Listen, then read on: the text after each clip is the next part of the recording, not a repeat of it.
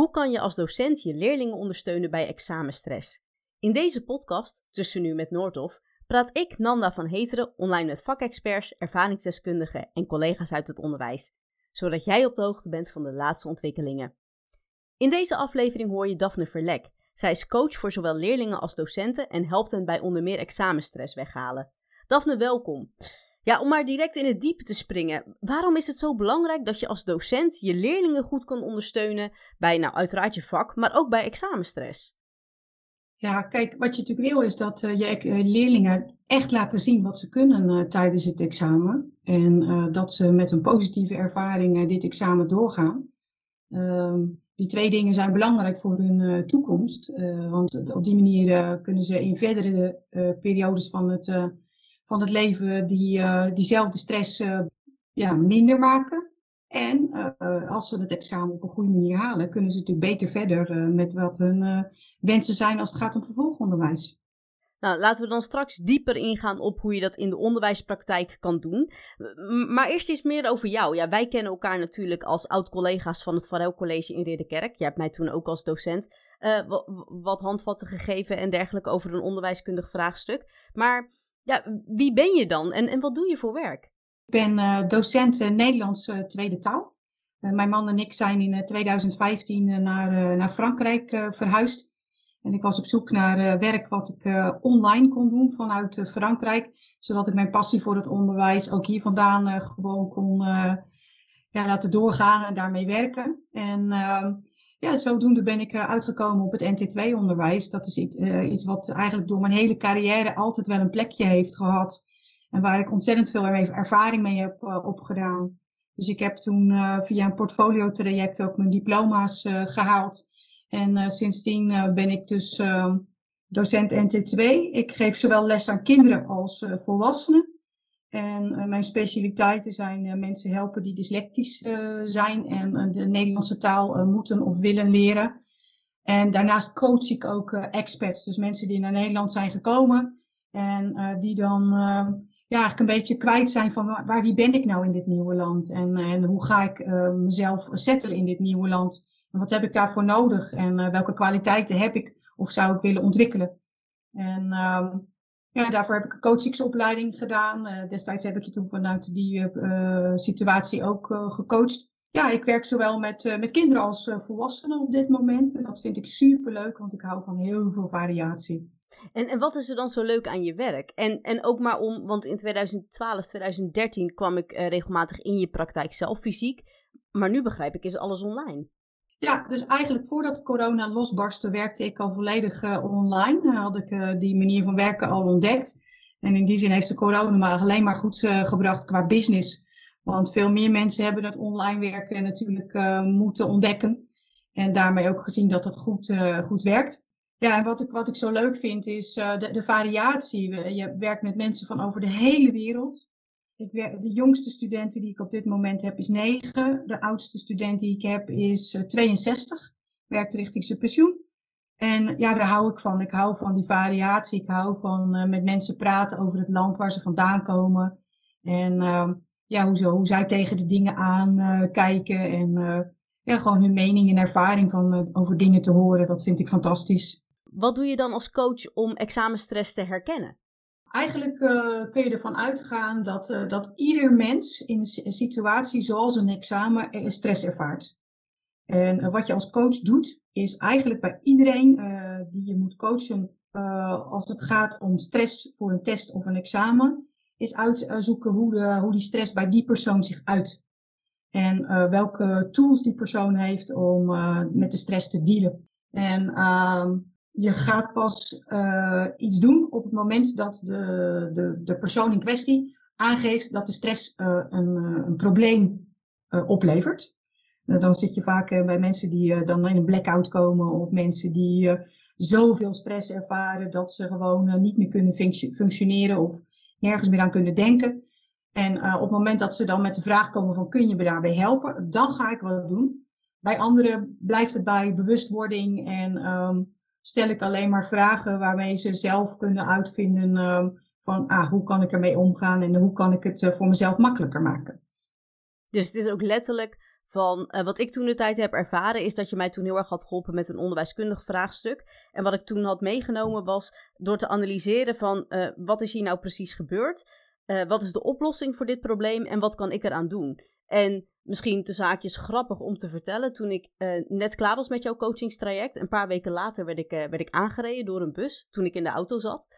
En daar schrok ik ontzettend van. Ik stond te wachten voor het rode stoplicht en die bus die had mij en het rode stoplicht niet gezien, want de buschauffeur was bezig op de telefoon. En toen schrok ik ontzettend en was er in één keer heel veel chaos. Toen ook heel veel stress uiteraard bij mij. En in die situatie werd ik eigenlijk heel rustig door mezelf diezelfde drie vragen te stellen die je mij toen had geleerd, uh, het onderwijs. En, en zo analytisch naar de situatie te kijken en zo te bedenken wat ik dan moet gaan doen.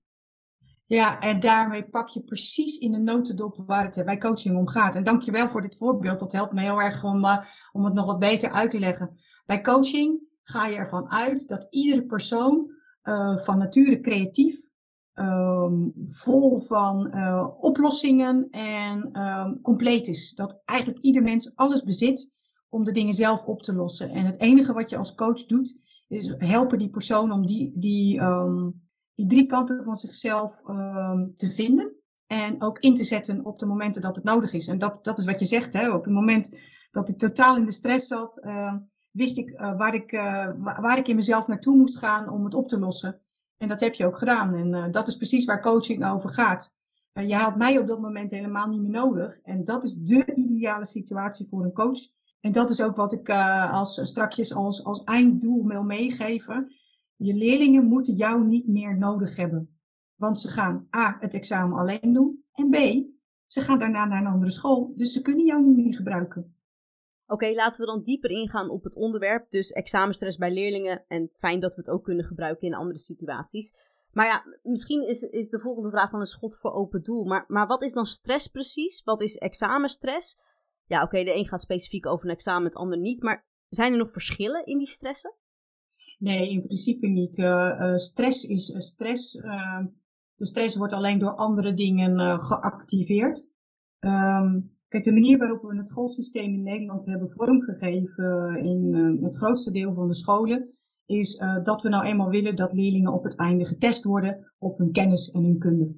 En daarmee, daar bouwen we echt naartoe. Hè? En we praten enorm veel over de examens en ehm, we geven ook aan hoe het belangrijk het is en de cijfers die ze al eerder halen. Dus wij doen heel veel om die spanning bij de leerlingen op te bouwen. Um, want ze zijn zich er wel degelijk van bewust dat dit wel een heel belangrijk uh, moment is. En ook vaders en moeders uh, en medestudenten zijn allemaal uh, even um, bewust van hoe belangrijk dit, dit deel is van het leven. Um, ja, wat, wat, wat, stress is eigenlijk gewoon iets wat gebeurt in het lichaam en in het brein. En vooral het deel wat in het brein gebeurt, dat is het deel wat effect heeft op um, hoe je je examen daadwerkelijk kunt maken. Um, kijk, als iemand een beetje stress heeft, dan is dat eigenlijk alleen maar heel positief. Hè? Je krijgt meer adrenaline, waardoor je sneller en beter kunt gaan werken. Helemaal goed, hartstikke goed. Um, vervolgens komen we in de stap dat je eigenlijk praat over negatieve stress.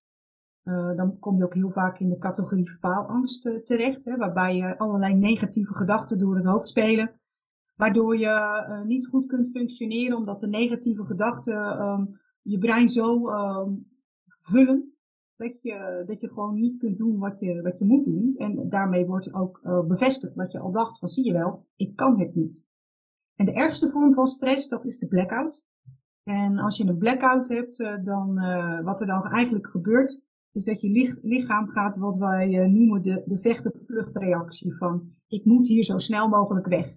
Uh, en dat is in een examen natuurlijk niet mogelijk. Je zit achter een tafel of je bent in een praktijkruimte, je kunt niet weg. Maar je lichaam zegt ik wil weg, ik moet hier weg, dit gaat niet goed, help, help, help. Nou, en wat er dan gebeurt is dat eigenlijk het bloed gaat allemaal naar de rechter hersenhelft.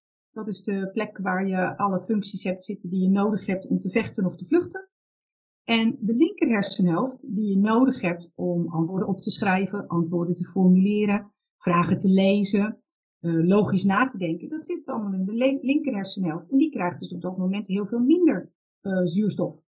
En dat is dan het grootste probleem, want uh, je hebt dus in de hersenhelft die je nodig hebt voor het examen, minder zuurstof dan in de hersenhelft die je niet nodig hebt. En dat noemen we dan een, een blackout. Nu snap ik wel dat heel veel leerlingen en ook heel veel ouders en thuis en medestudenten, er ligt druk op dat examen. Het, het, is ook feitelijk heel logisch, want het schoolexamen is natuurlijk de helft van je cijfer en het centraal schriftelijk eindexamen de andere helft. En dan moet het natuurlijk in één toets gebeuren. Maar uh, mag dan de conclusie trekken dat alle leerlingen last hebben van examenstress? Ja, in principe wel. Um, Alleen niet alle leerlingen worden daar volledig door geblokkeerd. Kijk, sommigen hebben, hebben stress, dan zitten we in de categorie positieve stress. Dus die functioneren juist daar beter door, omdat ze gewoon meer adrenaline hebben. Uh, er zijn uh, leerlingen die in de negatieve fase komen, dus die heel erg in de faalangst zitten en daardoor minder of zelfs heel slecht presteren. En je hebt leerlingen die in de volledige blackout gaan en dus helemaal niks meer uit de vingers krijgen en die dan dus ook volledig falen. Dus we, we gaan het nu vooral hebben over het groepje leerlingen dat deels in categorie 2 komt, dat ze mogelijk minder presteren, of de categorie helemaal blackout en er helemaal niets meer uit krijgen. Begrijp je? Ja, ja, ja, ja, want positieve stress, dat, uh, daar, daar hoef je in feite als docent helemaal niks aan te doen. Um, wat ik wel belangrijk vind, is dat de leerlingen uh, bij zichzelf herkennen welke vorm van stress ze hebben en welk effect dat op het lichaam heeft. Zodat ook de leerlingen die positieve stress hebben denken, ah, oké, maar nu als ik het zo heb, is het nog goed. Dus in die zin denk ik dat het wel goed is om het te, te, te benoemen en ze er bewust van te maken. Hoe zouden leerlingen dat kunnen voelen of kunnen zien of herkennen bij zichzelf? En, en de docent natuurlijk ook, bij ja, hen? Nou ja, kijk, dan, eh, dan komt mijn coachingskant uh, naar voren. Coaching gaat over ervaren. Um, wat ik vaak uh, deed met studenten voordat ze dus een belangrijke toets of een examen moesten gaan maken, is dat ik in een les onverwacht iets aankondigde als in we gaan nu dat en dat examen oefenen en dat cijfer telt mee voor je eindcijfer. Vervolgens vertelde ik ze direct een minuut later dat dat niet waar was. En ging ik ze bevragen op wat gebeurt er nou bij je? Wat voel je? Waar voel je het? Uh, wat gebeurt er met je uh, van binnen? Welke dingen denk je aan? En op die manier kun je leerlingen zelf een analyse laten maken van welk effect heeft stress op mij. Een andere optie is als er een belangrijke toets is, dat je dus rondom die toets al um, dit soort vragen gaat stellen. Zodat je het vraagt over een reële situatie ehm, ik ben heel even aan het nadenken van hoe zou je dat nou als docent kunnen herkennen uh, in welk stadium dan de leerling uh, zit. Van ik ga me of volledig focussen, of uh, ik word faalangstig bijvoorbeeld, of ik sla totaal in de blackout modus. Um, hoe, hoe zou je dat als docent kunnen herkennen, hoe je leerlingen daarop reageren? Sowieso zie je, heb je het natuurlijk al gezien tijdens de, de, de de schriftelijke overhoringen die je tijdens het jaar hebt gedaan, of de tentamens uh, of de tussenexamens die je hebt gedaan, dat bepaalde leerlingen die in de les prima uh, presteren, op een, uh, een test in één keer heel veel slechter presteren. Dus dat zijn eigenlijk de leerlingen die je als eerste moet eruit pakken om met hen te gaan spreken. Wat mij betreft ook is leerlingen die bijvoorbeeld, als je het aan hen vraagt, gewoon tijdens de les, van voor tot achter de antwoorden kunnen oplepelen. En dan in het examen, of het tentamen, of het schriftelijke overhoring, uh, komt er een antwoord uit dat je denkt van, nee, nee, je weet toch veel meer, hoe kan dat nou? Hè? Dus uh, vooral die uh, leerlingen, dat zijn degenen die het meeste aandacht verdienen. En de rest zou je wat mij betreft ja, gewoon in de groep door ze te bevragen. gewoon vragen van wat gebeurt er bij je en hoe voel je dat en dan kun je bijvoorbeeld een cijfer geven aan je stress. Um, en um, vertel eens wat er met je ademhaling gebeurt. Misschien uh, is het mogelijk om bijvoorbeeld, uh, het, uh, als je bij bijvoorbeeld biologie, om daadwerkelijk te testen. zorg dat je een hartslagmeter in de klas hebt en een zuurstofmeter. Daarmee kun je gewoon leerlingen fysiek testen op wat gebeurt er met je lichaam als je stress hebt. Nou, op zich zijn we dan natuurlijk nog precies op tijd. Want, want als je kijkt naar de leerlingen die nu aan de vooravond staan van hun examens, wat denk jij? Zouden zij meer stress hebben dan scholieren die in hun voorgaande jaren hun diploma al hebben gehaald? Bijvoorbeeld omdat ze letterlijk de helft van hun schooltijd online hebben moeten volgen? Oh, absoluut. Ja, daar ben ik 100% van overtuigd. Kijk, wat we niet moeten onderschatten is de waarde van het uh, samen lunchen, samen van de ene les naar de andere les lopen, uh, samen naar school fietsen. Dat zijn de momenten waarop ontzettend veel dingen worden besproken. En vooral gevoelens en emoties die erbij komen kijken. Hè, over die docent die misschien niet eerlijk is geweest. Of die, die, die gekke les die je gehad hebt. maar ook hè, ehm, van ik ben zo gespannen of ik ben zenuwachtig of ik heb er zin in. Al dat soort dingen zijn gewoon al die perioden veel en veel te weinig besproken. Daarnaast, als docent moet je het voor een heel groot deel hebben van je, van je zesde zintuig. we zullen dat allemaal herkennen, dat je in de klas denkt van, volgens mij gaat het met die leerling niet goed. Ik, ik voel het. Ik voel gewoon aan mijn theewater dat er iets niet in orde is. En via internet is dat zo verschrikkelijk veel moeilijker. En zeker als je een groepje voor je neus hebt zitten om, om dat te voelen. Want dat zesde zintuig functioneert gewoon minder goed. En, en dat maakt dat deze leerlingen heel veel minder voorbereid zijn op uh, de, de stress. A, omdat we uh, het niet hebben kunnen voelen als docenten. En B, omdat ze er ook met niemand over uh, of veel minder over hebben kunnen praten met medeleerlingen. Hoe doe jij dat dan? Want jij geeft nu al je lessen online. Hoe heb jij dan je zesde zintuig ingezet? Want er zit nu nog een deel van de leerlingen, ondanks dat de coronamaatregelen niet meer van toepassing zijn, uh, thuis omdat ze uh, wel ziek zijn bijvoorbeeld of niet naar school kunnen om een andere reden. Ja, kijk, mijn les begint altijd, en dat is natuurlijk omdat ik Nederlands als tweede taal geef, dat alles wat ik doe met spreken is, is, is, is goed voor de les. Dus ook de leerling, de leerling bevragen van hoe gaat het met je, wat heb je gedaan. En, en dan, ja, dat is voor mij zeg maar de thermometer van hoe staan deze leerlingen erin. Om een concreet voorbeeld te geven, ik heb meerdere leerlingen die uit uh, het Russisch en Oekraïense uh, deel van uh, deze wereld komen. Nou, je kunt je voorstellen dat, dat het bij hen extra belangrijk is op dit moment om ja, ehm, heel duidelijke vinger aan de pols te houden van hoe gaat het met je. En dat betekent soms ook dat de les dus dan heel anders uitpakt dan dat ik had bedacht of dat het programma voorschrijft omdat die leerling op dat moment gewoon totaal niet open staat voor wat dan ook te leren. In verband met alle stress die er uh, op dat moment uh, is. Ik kan me ook voorstellen dat uh, docenten van andere vakken dit ook heel makkelijk kunnen integreren. Want ja, met een onderwijs-leergesprek, al moet je er misschien even iets omvormen naar een ander onderwerp, kan je al min of meer peilen hoe het gaat dus met iedereen, begrijp ik. Kijk, ik hoef niet honderdduizend voorbeelden te geven, maar ik denk dat je uiteindelijk bij elk vak een, een mix kunt maken tussen het vak wat je geeft en um, um, hoe, hoe de, de, de, leerlingen zich op dat moment uh, voelen. En um, ja, dat, dat is gewoon het alle, zeker als je online les geeft, uh, heb je dat gewoon nodig om, om je zesde zintuig te voeden met informatie over hoe het met je leerlingen gaat. We hebben het vooral gehad over het signaleren van uh, een leerling die stress ervaart of examenstress. Maar, maar welke methoden zijn er en gebruik jij om examenstress aan te pakken? Wat mij betreft uh, begint het eigenlijk uh, nog een stap daarvoor. De eerste stap is dat je met leerlingen gaat kijken van waarom ga je door deze hoepel van het examen heen springen?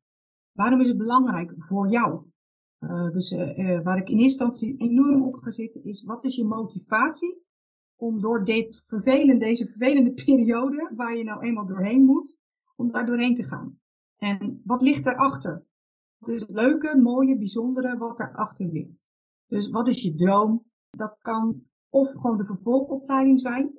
Maar dat kan ook zijn dat een leerling zegt van ja, maar ik wil astronaut worden. Maar ik moet eerst wel eerst naar het mbo, maar mijn einddoel is om astronaut te worden. Nou, dan, dan pak ik dat astronaut, pak ik eruit, want dat is de droom. En als je aan het werken bent naar je droom, dan, en je ziet waarom je over hordes heen moet springen en door hoepeltjes moet kruipen en van allerlei dingen moet doen om daar te komen, dan wordt dat al uh, makkelijker. Want het wordt logisch. En in de coaching begint alles met waarom doe je dit? Wat wil je? Waar, waar droom je van? Wat, wat zou je ultieme uh, versie van jezelf zijn? Dus dat, dat, is wat mij betreft waar het uh, mee begint. En um, daarna zou ik met leerlingen dus inderdaad situaties creëren waarin je dus uh, ja, stress creëert. Of terugblikken op situaties die recent zijn geweest over stress. Ja, daar allerlei uh, vragen over stellen. Uh, van wat gebeurt er met je lichaam en wat, wat gebeurt er met je geest.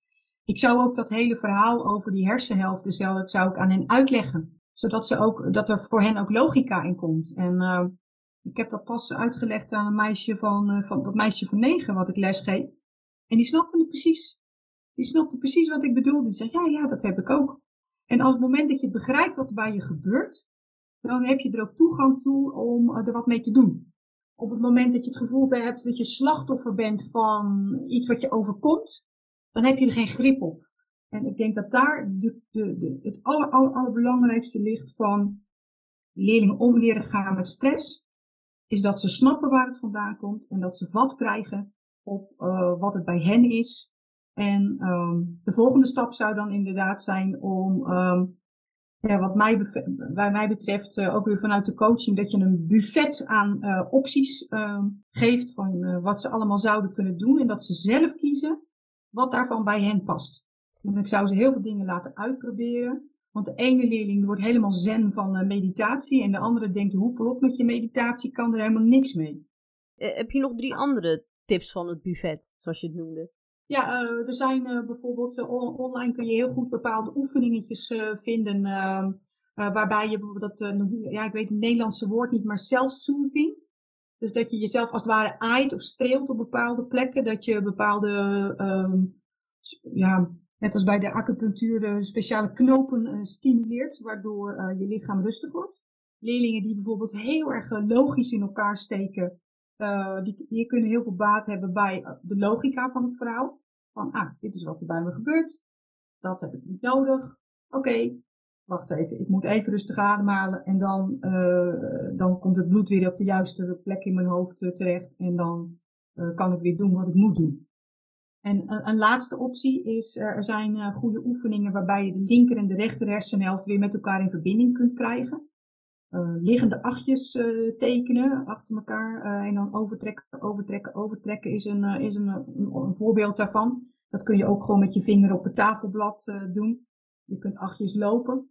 En met hoe meer zintuigen je die oefening doet, hoe beter het, het landt. En op die manier kun je dus zorgen dat zeg maar, de beide hersenhelften weer goed gaan samenwerken. En vooral voor leerlingen die een blackout hebben, is dat bijvoorbeeld een, een hele goede methode om uh, ja, weer uh, orde in de, in de chaos te scheppen in hun hoofd. En wat kan je dan als docent doen om je leerlingen op dat moment op uh, hun gemak te stellen? Nou, op het moment dat, de, dat is iets wat ik bijvoorbeeld deed toen ik in het mbo werkte. Dan moest ik surveilleren bij testen. En dan, voordat we begonnen, gewoon alle leerlingen eventjes, oké, okay, waar, waarom ga je dit doen? Waarom is het voor je belangrijk? Oké, wat heb je nodig om dit examen op een goede manier te maken? Neem even één minuut om daarover na te denken. Wat heb je nodig om rustig te worden? Ben je ervan overtuigd dat je het kan? Dan komt het er ook uit. Weet je al van tevoren dat je slecht gestudeerd hebt? Nou, doe het beste wat je kan en laat zien uh, wat eruit komt. En, en dan pas de, de, de toets uh, of de test uh, starten. Dus je zou ook kunnen zeggen, bijvoorbeeld in de gymzaal, waar veel scholieren hun eindexamen doen, voordat het begint, even een momentje pakken van rust, ademhalen, even nadenken, waar doe ik het voor, concentreren. Exact, ja, ja, ja, ja. En dat kun je dus vooraf al oefenen. Uh, want je gaat natuurlijk ook uh, toetsen, ex, uh, testexamens of proefexamens doen in de les. Want je wil dus natuurlijk ook voor, voorbereiden op de kennis. En de manier waarop de examens worden afgenomen. Nou, dan kan, als je dat iedere keer eigenlijk structureel doet, en uh, dat je kan verwijzen naar van, nou, je, je hebt zelf een manier gekozen die het beste bij je past. Om jezelf rustig te krijgen. Pak even je tijd om dat te doen. En dan door. En wat ik wil benadrukken is, waar ik het over heb, is over leerlingen die gewoon hartstikke hard gestudeerd hebben. En uh, er, er klaar voor zijn. We hebben het niet over de leerlingen die eigenlijk gewoon een klap gedaan hebben. En op het randje staan van zal ik wel slagen, zal ik niet slagen. Um, de, de, de, dat, dat vind ik wel wat anders. Dat is een andere type stress, want je, dan weet je gewoon dat je er niet klaar voor bent. We hebben het over leerlingen die er wel klaar voor zijn, um, maar door wat dan ook geremd worden om het beste te laten zien.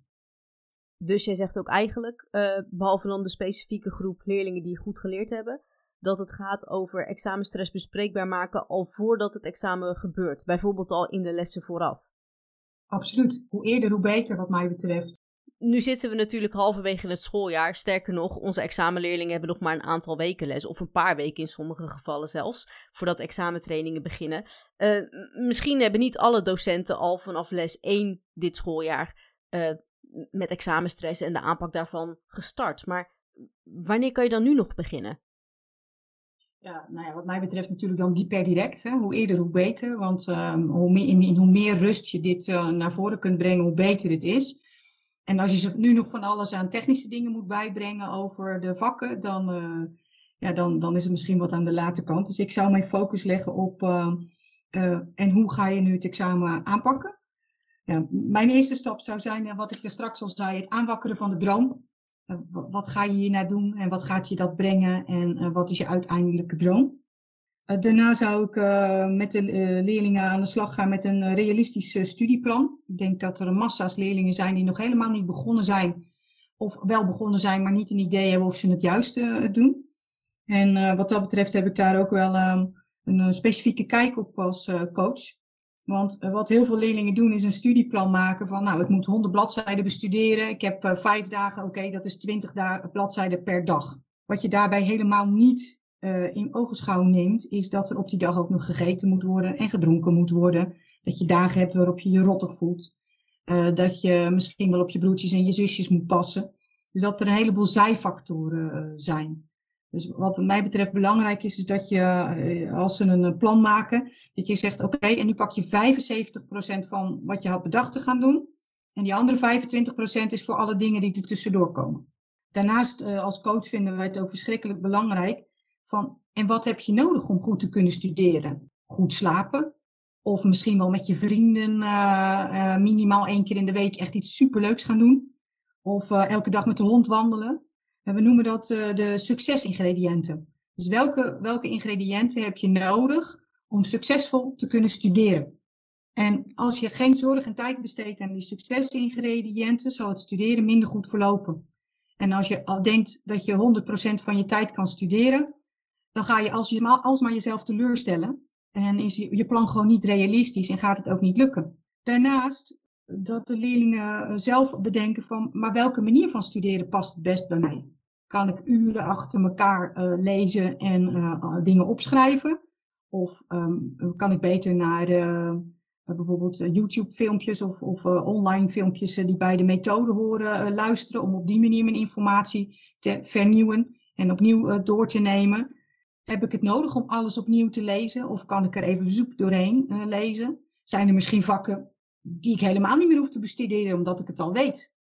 dus uh, laat ze nadenken over wat heb ik nodig en hoe ga ik dat dan doen. Ja, en even een tip voor mij. Ik ben coach, maar die krijgt dan toch een tip. Is om uh, bijvoorbeeld een vraag- en aanbodprogrammaatje te maken in de klas. Waarin leerlingen dus kunnen aanbieden van, oh, als je hulp nodig hebt met dit, dan kun je bij mij komen. En iemand anders die is weer goed in wat anders zodat ze ook elkaar dingen uh, kunnen uh, leren. En um, de beste manier van leren is aan iemand anders te leren. Als, als laatste met betrekking tot dat plan is, wat ga je dan doen elke dag?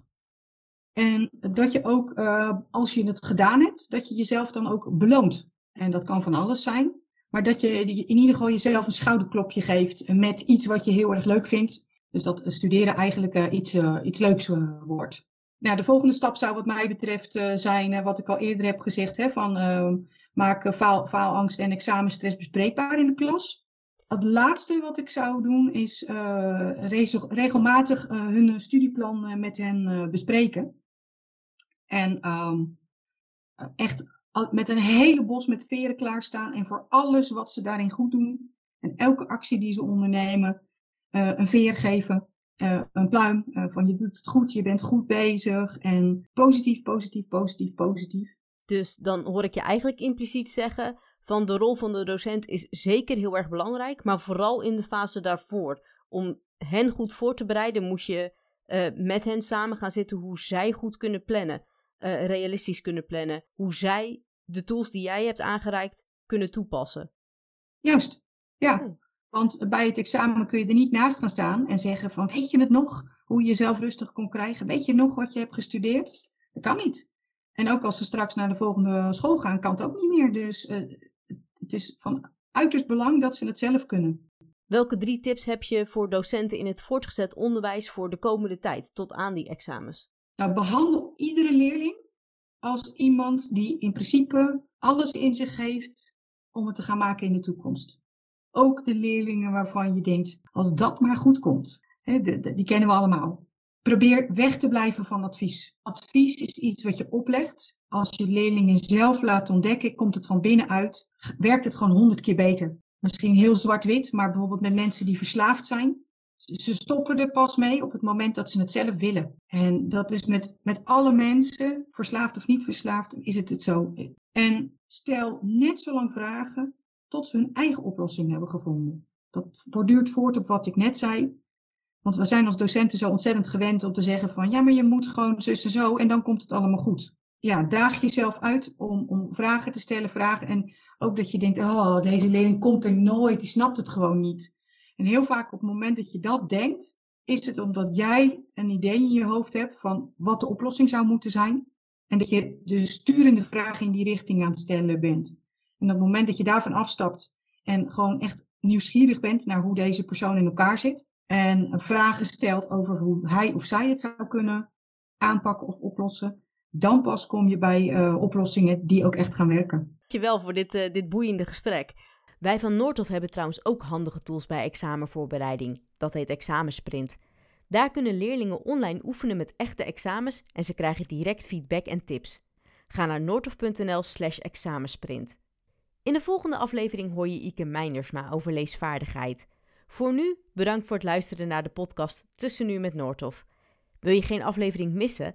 Ga dan naar jouw favoriete podcast-app om de verhalen te luisteren en abonneer je op deze podcast. Ben je enthousiast geworden of wil je meer weten? Noordhof organiseert ook trainingen. Ga naar noordhof.nl/slash podcast voor meer informatie.